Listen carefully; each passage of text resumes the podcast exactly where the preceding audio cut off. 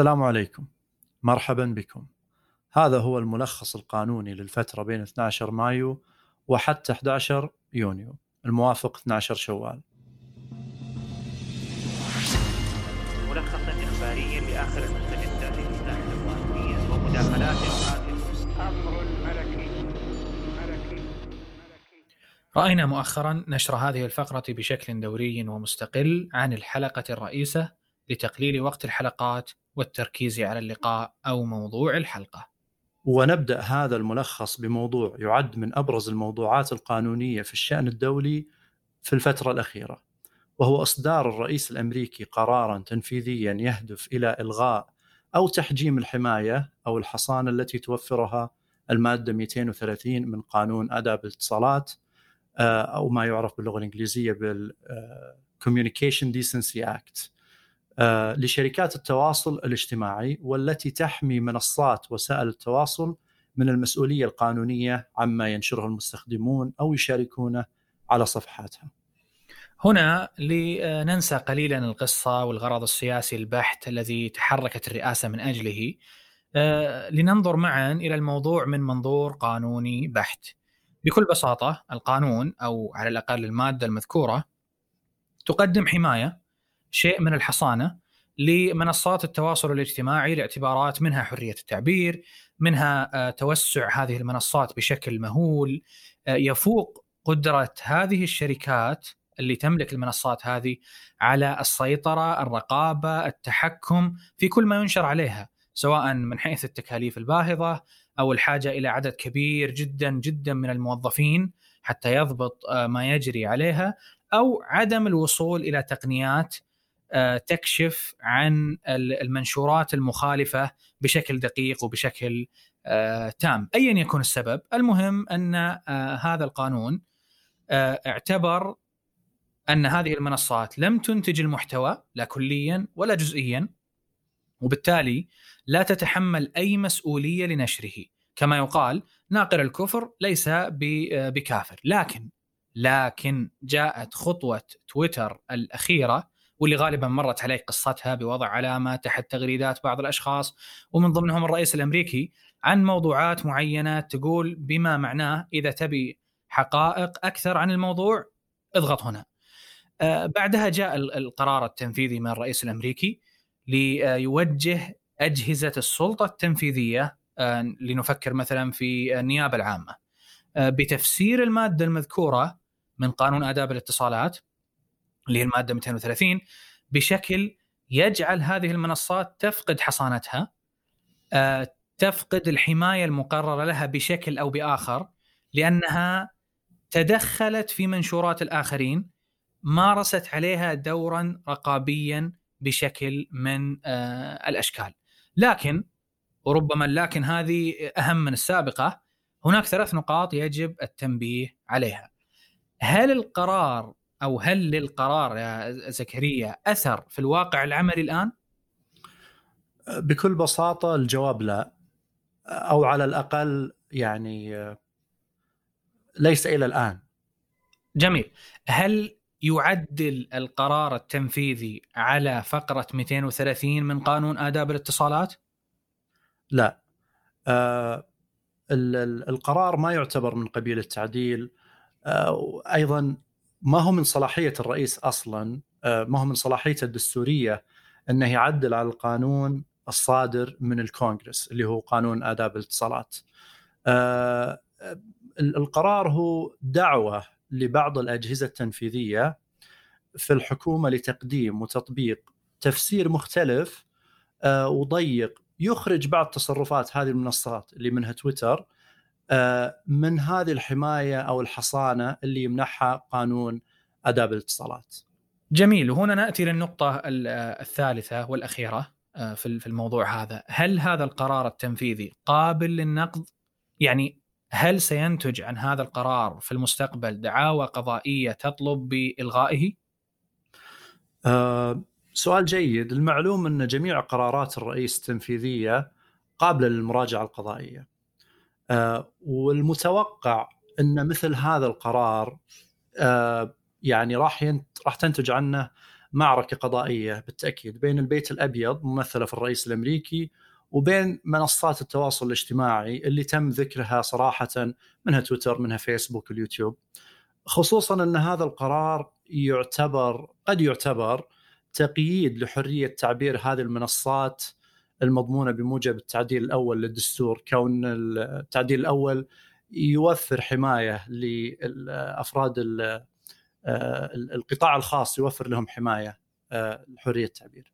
جميل جميل الآن ننتقل للشأن المحلي حيث وافق مجلس الشورى على كل من مشروع نظام الضمان الاجتماعي ونظام التكاليف آه، القضائية، كذلك أصدر مجلس القضاء الإداري قرارا بشأن المدد والمواعيد والمهل المقررة في نظام المرافعات أمام ديوان المظالم ولائحته التنفيذية خلال مدة تعليق الحضور لمقرات العمل والتي انتهت الآن.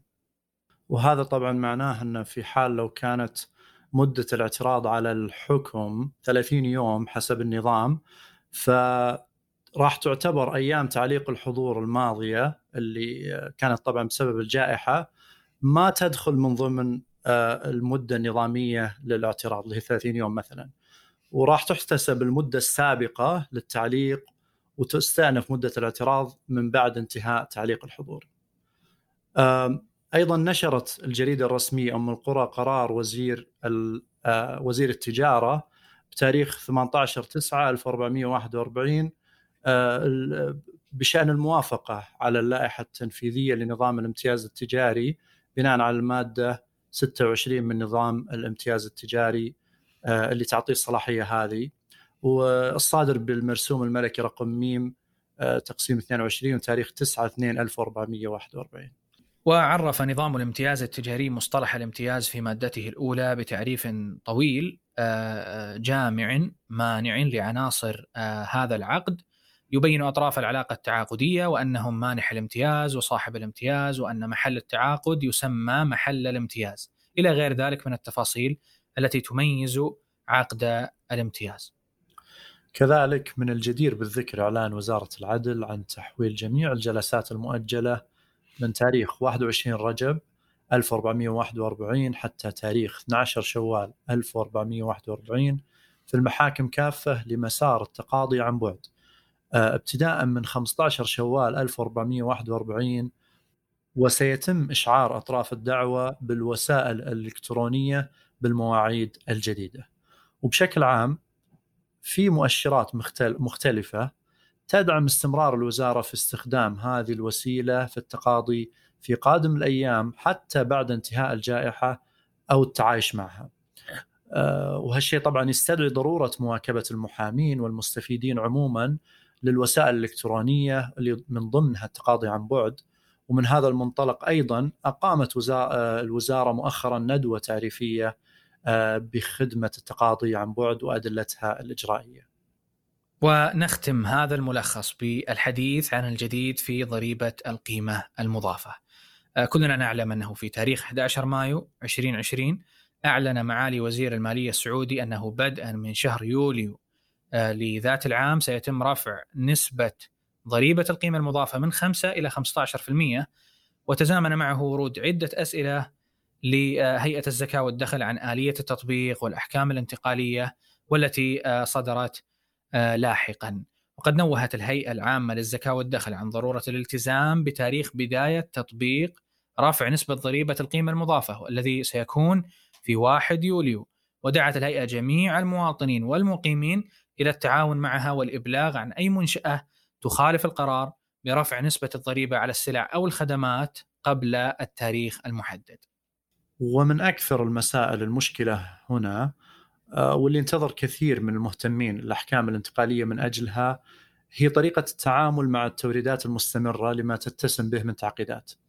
والمقصود بالتوريدات المستمرة هي التوريدات اللي يتم تنفيذها جزئيا قبل تاريخ 1 يوليو 2020 وجزئيا في أو بعد هذا التاريخ. وهذا ما نصت عليه الهيئة العامة للزكاة والدخل في دليل الأحكام الانتقالية. وعشان نكون أكثر تحديد السيناريو اللي بنتكلم عنه هو التوريدات بين منشأتين مسجلتين في ضريبة القيمة المضافة وآلية التعامل مع العقود المبرمة بينهم قبل وبعد قرار زيادة نسبة الضريبة آه، وهذا السيناريو ما يخلو من حالتين الحالة الأولى إذا كان العقد المبرم بين المنشأتين المسجلتين في ضريبة القيمة المضافة تم قبل 11 مايو 2020 أي قبل قرار زيادة نسبة الضريبة والتوريدات مستمرة إلى ما بعد 1 يوليو 2020 في هذه الحالة تطبق الضريبة بنسبة 5% آه، وحتى تاريخ انتهاء أو تجديد العقد أو حلول تاريخ 30 يونيو 2021 مع الحق في خصم ضريبة المدخلات كاملة. وبالمثال يتضح المقال فإذا افترضنا أنه تم التعاقد بين شركتين في شهر مارس يعني قبل شهرين مثلا من عام 2020 على توريد بضاعة معينة ويمتد هذا العقد لعام كامل ويتم تسليم البضاعة على فترات محددة آه، خلال هذا العام ففي هذه الحالة تحتسب ضريبة القيمة المضافة بنسبة 5% حتى تاريخ انتهاء هذا العقد أو تجديده. يعني حتى شهر مارس من العام المقبل 2021 في حالة التجديد ستطبق نسبة 15% الجديدة لأنها أو لأن هذا التعاقد الجديد جاء بعد الفترة الانتقالية. طيب وش نقصد بمصطلح ضريبة المدخلات؟ ضريبة المدخلات هي الضريبة اللي يتحملها الخاضع للضريبة فيما يتعلق بالسلع أو الخدمات الموردة الموردة له أو المستوردة لأغراض مزاولة النشاط الاقتصادي. والمعلومات أكثر عن موضوع خصم ضريبة المدخلات باستطاعتكم الرجوع إلى المادة التاسعة والأربعين في اللائحة التنفيذية لنظام ضريبة القيمة المضافة. وهنا من من الضروري الإشارة إلى آه، آه، ضريبة المدخلات لأننا نتكلم عن منشأتين مسجلتين في ضريبة القيمة المضافة. لو كنا نتكلم في سياق آه، المستهلك النهائي فلن يكون له له علاقة بضريبة المدخلات. أحسنت أبو محمود. بخصوص الحالة الثانية فإذا تم التعاقد بين المنشأتين المسجلتين في ضريبة القيمة المضافة في الفترة من 11 مايو 2020 وحتى 30 يونيو 2020 فالعبرة بوقت التوريد أي تسليم السلع وتمكين الطرف الثاني من التصرف فيها أو تنفيذ الخدمات. إذا حصل هذا فعليا قبل 30 يونيو 2020 تطبق الضريبة بنسبة 5% أما إذا حصل فعليا في أو بعد 1 يوليو 2020 فتطبق الضريبة بالنسبة الجديدة 15% نعيدها بشكل آه، آه، مختلف بمثال. لنفترض أنه تم التعاقد آه، بين طرفين بين هذين التاريخين. يعني مثلا تعاقدوا في يوم 25 مايو 2020 على أن يكون التوريد على فترات زمنية مختلفة. عندنا توريد أول وثاني راح يتمون قبل نهاية يونيو 2020 ثم باقي التوريدات ستتم بعد 1 يوليو من 2020 هنا نقول التوريدين الأوليين الأول والثاني آه، ستحتسب الضريبة عليهما بنسبة 5% أما باقي التوريدات اللي بيجون بعد 1 يوليو فتحتسب الضريبة عليهما أو عليها بنسبة 15% وهذا الاتجاه طبيعي ويتناسب ويتناسق مع أحكام نظام الضريبة القيمة المضافة وتحديدا المادة الثامنة عشر التي نصت على أن تكون نسبة الضريبة المستحقة هي النسبة المطبقة في تاريخ التوريد أو الاستيراد. شكرا لاستماعكم ونرحب بتواصلكم. لا تنسوا الاشتراك في البودكاست ليصلكم الجديد. والسلام عليكم. بودكاست باستخدام جرعة صوتية